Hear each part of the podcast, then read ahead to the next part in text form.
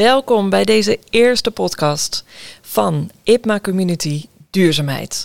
En de eerste gast die wij hebben is Rick Eweg. En ik ga zo meteen met hem in gesprek over hoe hij duurzaamheid ziet in zijn werk. En waarom hij daar aan meewerkt. Ehm, dit is bedoeld als een kijkje achter de schermen bij onze vakgenoten in het veld. Dus we hopen dat je een inzicht krijgt in hoe een van de mensen die echt meewerkt aan de duurzame verandering ehm, erbij zit, wat hij belangrijk vindt en hoe die dat in de dagelijkse praktijk te werk stelt. Um, Rick Eweg, welkom en dankjewel dat je de eerste gast in deze podcast wil zijn. Ja, um, dankjewel. Vertel, wie ben je op dit moment? Ik ben op uh, dit moment uh, lector uh, transities naar kringlooplandbouw bij de Hogeschool van, van Al-Larenstein. Helemaal goed, fantastisch. Kringlooplandbouw. Kun je daar heel in het kort iets over vertellen? Wat is dat? Ja, ja er zijn verschillende definities voor in omloop. Waar wij van uitgaan is uh, dat het uh, vier uh, aspecten heeft. kringlooplandbouw moet bijdragen aan een vergroting van de biodiversiteit, zowel de bodem als ecosystemen. Het verminderen van negatieve milieu-impact, dan hebben we het over broeikasgassen, over pesticidengebruik. En het sluiten van nutriëntenkringlopen, dus het sluiten van, van kringlopen, laten we zeggen, van mest naar voer, naar dieren, naar mest. En uh, die drie aspecten samengevoegd in een uh, businessmodel in, uh, dat eerlijk is voor de boer. Dus waar de boer een eerlijk inkomen in verdient. En dat ook rekening houdt met dierenwelzijn. Fantastisch. Um, ik heb daar meteen heel veel inhoudelijke vragen bij. Maar ja. ik ging voor het kijkje achter de schermen. Dus ik hou ze nog heel even in. Um, het enige wat ik er nu over wil vragen is het volgende is de blik op kringlooplandbouw, is die nationaal? Dus gaat die over Nederland of is die wereldwijd? Ja, nou, eh, de, eh, de visie op kringlooplandbouw is expliciet uh, Nederlands, uh, nationaal geformuleerd door minister Schouten uh, in het vorige kabinet en overgenomen door het huidige kabinet. -huh. Dus dat zij streeft, de Nederlandse ministerie van LNV streeft naar een ver, vergroting van kringlooplandbouw. In het buitenland, internationaal, heeft het wel veel overeenkomsten met wat daar regenerative agriculture, dus regeneratieve landbouw wordt genoemd. Dus je ziet het wel, de naam kringlooplandbouw, circular farming, komt oorspronkelijk uh, afgeleid van de circulaire economie. Nou, dat is natuurlijk een internationaal streven. Ja. Maar in het buitenland wordt die vaak um, vertaald naar regeneratieve landbouw. En betekent dat hetzelfde dan? Nou, uh, uh, ik ga er niet te, te technisch, te gedetailleerd naartoe. Eh, in grote lijnen die drie, die drie hoofdthema's die ik noemde. Uh -huh. uh, uh, daar legt regeneratieve landbouw iets meer aandacht op, um, laten we zeggen, vergroting van biodiversiteit en, en ecosystemen. En boeren samen, landbouwen samen in harmonie met de natuur. -huh. kringlooplandbouw kan ook wel iets soms wat meer technologisch zijn. Ah, maar in zijn algemeenheid liggen die begrippen wel dicht bij elkaar. Ja. Um, waar ik naartoe wil, voordat kijk je achter de schermen. Misschien ga je het over iets anders hebben, misschien wel hierover.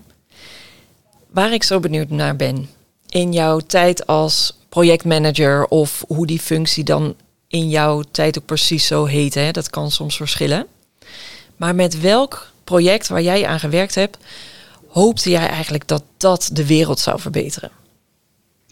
Ja, het begon eigenlijk al in mijn vorige werk. Toen werkte ik bij een landelijk innovatieprogramma Agro en Groen. Uh, uh, en, en, daar was ik uh, programmaregisseur, heet oh ja, dat. dat is ook zo'n term, ja. Uh, ja, en daar was ik uh, verantwoordelijk voor een stuk of uh, 13 projecten. En zorgen dat die projecten goed functioneerden. En, en het coachen van de projectleiders op de projecten. Maar een van de projecten dat ik heel bijzonder vond. was een project in de Noordelijke Friese Wouden. Noordelijk Friese Wouden is een gebied in Friesland wat tussen, laten we zeggen, globaal tussen Dokkum en Drachten ligt, ten, ten oosten van Leeuwarden. Mhm. Waar een, een, eigenlijk alle boeren in het gebied samen al in, laten we zeggen, vanaf begin uh, 2000, 2002 begonnen waren aan het werken uh, aan uh, kringlooplandbouw en, en, en werken met de natuur. Nou, dat was toen heel nieuw. Aha. En eh, dat project, ja, dat, dat, daar kwam ik nu in mijn huidige werk als, als lector bij Van Han Larenstein weer eh, samen. We hebben ook een vestiging in Leeuwarden als Van Han Larenstein. Mhm. Dus het was wel grappig dat ik, uh, laten we zeggen, de boeren die ik in, in 2006 uh, leerde kennen en die we tussen 2006 in 2012 uh, ondersteunde uh, in het, het, werken in hun gebied aan, aan kringlopen en aan uh, natuurontwikkeling. Dat ik die in mijn werk als lector bij de hogeschool weer tegenkwam en daar weer vanuit een andere positie samen met. Dus dat, eigenlijk werken we daar al, al, al 15 jaar samen aan de ontwikkeling in dat gebied. En die boeren zijn dus echt dezelfde personen als waar je toen als programmaregisseur mee samenwerkte? Ja, eh, soms wel. Eh, wat ook wel grappig is, is een van de, van de boeren die toen uh, boer was, die is inmiddels uh, gedeputeerde geworden in ah. Friesland. Dus er zit wel verschuiving in. Maar voor een deel zijn het nog dezelfde boeren. En soms ook een, een zoon of een dochter die het bedrijf inmiddels had overgenomen. Leuk. En kun je dan zien. Is hetzelfde. Ja. Doen zij inderdaad nog aan kringlooplandbouw? Ja, meer nog dan, dan vroeger. In het begin was hun strijd uh, om uh, op een andere, waar, waar zij mee begonnen zijn, is dat zij eigenlijk de, de, de koeien helemaal zelf wilden voeren. Dus met gras en niet met, met soja, wat uit Brazilië geïmporteerd mm werd, met krachtvoer, waardoor je ook uh, minder uh, CO2-uitstoot en methaanemissie kreeg. Ze wilden, en ze wilden met hun mest uh, bijdragen aan de biodiversiteit door eigenlijk de, de, de droge mest, hè, zoals mm -hmm. we die van vroeger kennen van de mestropen, om, om dat soort mest te, te, te maken en op het land uit te rijden en niet zoals de wetgeving voorstelde, uh, drijfmest te injecteren met grote zware machines die over het land rijden en dan de mest onder het gras injecteren. Dus zij, zij wilde, tegelijkertijd wilden zij ook samen de houtwallen, het gebied heeft heel veel houtwallen, hele oude houtwallen, uh, wilden ze ook samen onder, onderhouden. Dus uh, daar begonnen ze mee. En dat, ja, dat, daar zijn ze de afgelopen 14 jaar aan gewerkt. Ja. En ze zijn nu ook heel erg aan het nadenken van hoe kunnen we dat nu ook samen met de provincie Friesland in, in wet en regelgeving en in governance structuren gieten. Ja. Dus er zijn ook, ze hebben eigenlijk de stap gemaakt van in het gebied op, op projectniveau experimenteren naar uh, een echt een systeemverandering uh, uh, waarin ook de provincie een andere rol gaat krijgen. En de provincie Friesland wil daar ook over meedenken.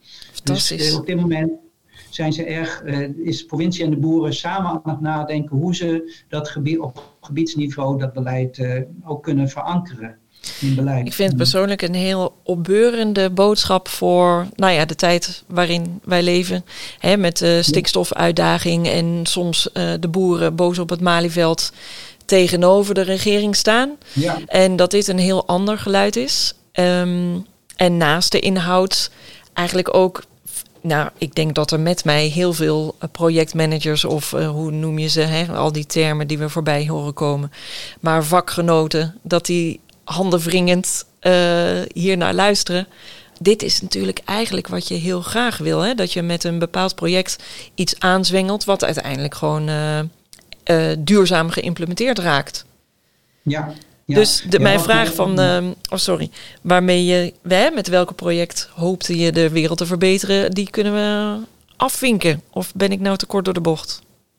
Uh, ja, nou ja, de, de wereld is nog niet verbeterd, maar het, het interessante is, en dat is, uh, laten we zeggen, niet, niet, niet natuurlijk in de eerste plaats van mij te danken, maar dat als je juist ook de, de, boeren die zich daar in het gebied hebben ingestekt en de provincie, dat dit nu ook in, in Brussel eigenlijk impact heeft gekregen.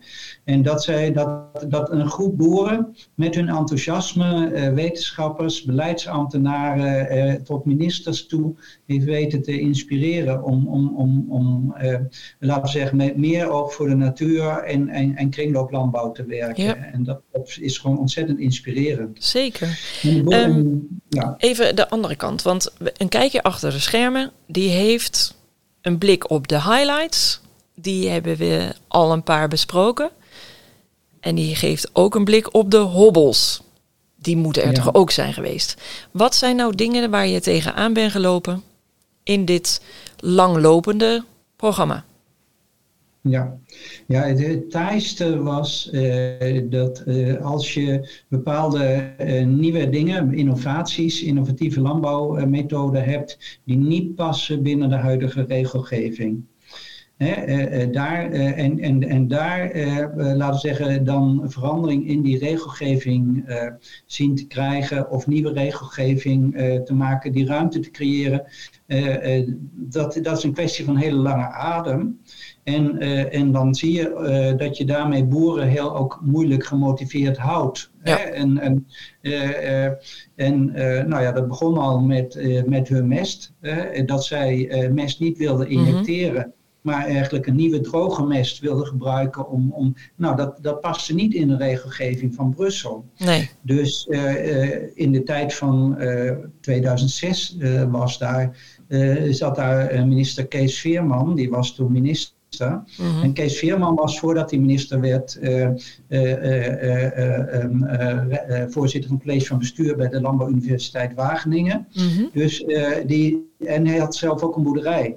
Dus door eigenlijk door contact te zoeken met het ministerie en de inzet van Kees Veerman in Brussel, want die heeft toen zelf contact op en die heeft de ruimte bevochten in, in Brussel bij de Europese Commissie om mhm. in Friesland dit experiment te kunnen. Je had dus continu uh, moest je zoeken naar, uh, uh, naar bondgenoten om die landelijke, om die regelgeving te veranderen. Of, of te kijken van hoe past dit in de regelgeving. En dan ja, eh, inhoudelijke mensen heb je daarvan nodig, die, die inhoudelijk verstand van zaken hebben. Ja. En uh, ja, die, die, die zijn niet altijd makkelijk te vinden bij, bij een provincie of bij een ministerie of een Brussel. Want ja, dat, dan, dan heb je toch, krijg je te maken met, met ambtenaren die in eerste instantie jurist zijn. En ook begrijpelijk vanuit hun oogpunt uh, zeggen van ja, maar regelgeving, uh, is, uh, we moeten geen precedentwerking gaan creëren. Mhm.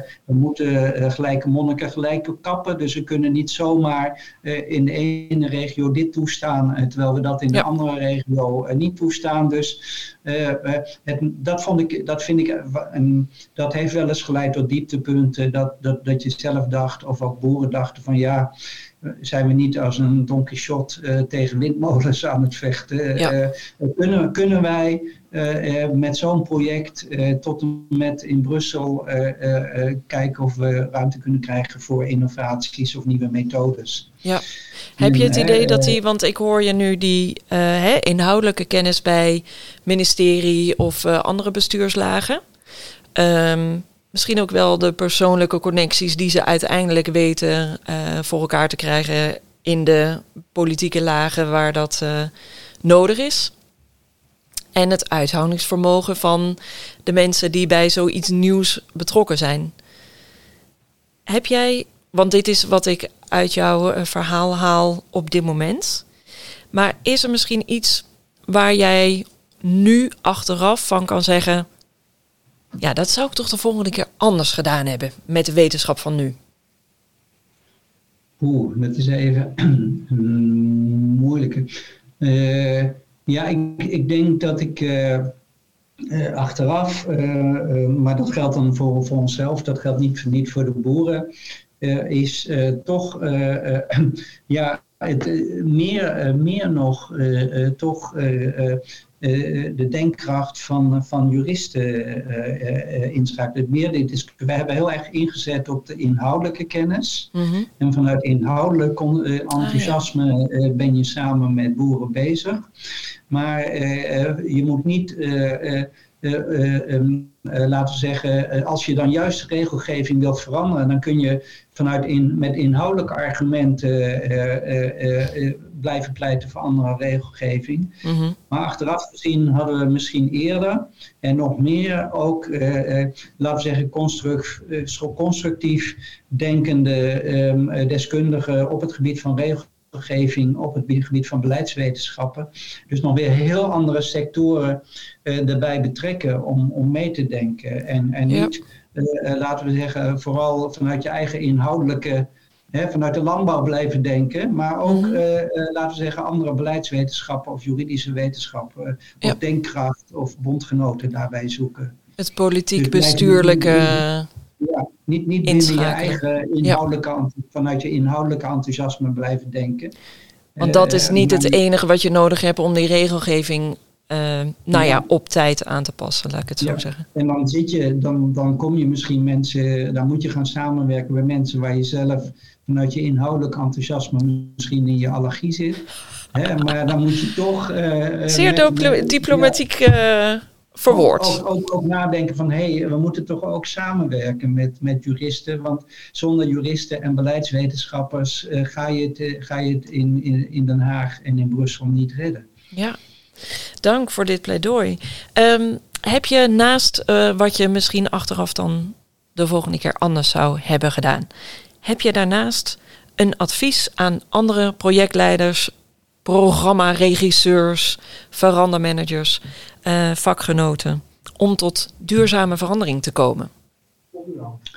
Nou, ik, ik, ik, uh, wat, wat het sterke punt was waarom dit in Noordelijk Friese Wouden gebeurt, uh, goed gaat, is, laten we zeggen, dat, dat het initiatief vanuit het gebied zelf komt. Mm Dat laten we zeggen, de ondernemers die daar werken en, uh, en uh, de, een hechte gemeenschap vormen. En de ondernemers zijn dan de boeren, neem ik aan, hè? Ja, de boeren, de agrarische mhm. ondernemers bedoel ik. Uh, maar in hun enthousiasme nemen ze ook loonwerkers en toeleverende bedrijven mee. Uh, maar dat er, een, dat er, dat er een, een, enthousiaste voedingsbodem is vanuit, vanuit de praktijk. Ja. Die die hier open voor staat. In, en dat je niet. en en dat, daarmee genereer je innovatie en, en vernieuwingen. En, en die krijg je, de, de, kunst is daar om een soort olievlekwerking, hè, dat, dat, dat besmettelijk te laten worden. Maar dat je niet van, van, van, van buitenaf dingen gaat opleggen of als een soort zendeling gaat werken. Ja, en dat is natuurlijk voor sommigen helaas wel de dagelijkse realiteit. Dat er van bovenaf, in welke organisatie dan ook, een opdracht naar uh, zo'n uh, projectleider of programmamanager gaat. Hmm. Zonder dat per se die voedingsbodem er al is of al actief gevoeld wordt, zeg maar. Ja. Bij jou was die er al, hè? de boeren wilden dit. Heb je ook heb je ook nog een advies voor mensen die wel de opdracht al in handen hebben, maar misschien nog niet die rijke voedingsbodem? Ja, ik denk dan zelf dat het eh, de eerste stap is eh, je opdrachtgever overtuigen dat je tijd nodig hebt eh, om, laten we zeggen, in, in, in, aan de basis bondgenoten te zoeken en, en enthousiasme te creëren. Dus dat je toch moet, dan moet beginnen met, of, of te kijken van hoe, hoe sluiten de belangen van je, van je opdracht aan bij de belangen hè, van, van, van de mensen in een gebied. Uh, dus uh, dat je toch uh, je opdrachtgever ervan overtuigt dat, hij niet van, dat je niet van bovenaf echt dingen moet opleggen, maar dat je echt dan ook de tijd krijgt om bondgenoten in het gebied die of hetzelfde willen of uh, parallele belangen hebben. En misschien soms wel eens andere dingen willen, maar toch uh, op een gegeven moment een, een belang dat samenvalt. Mm. Dat je toch ook, laten we zeggen, die, die, die bondgenoten de tijd krijgt om die bondgenoten te vinden en te zoeken. Mooi, want ik denk dat, dat ehm, de meesten dat wel herkennen. Hè? Dat je eerst een verkenning doet van uh, wat kom je brengen in dit project, wat kom je halen. Maar dat de, het bewustzijn van uh, daar is echt wel even tijd voor nodig. En ja. aandacht.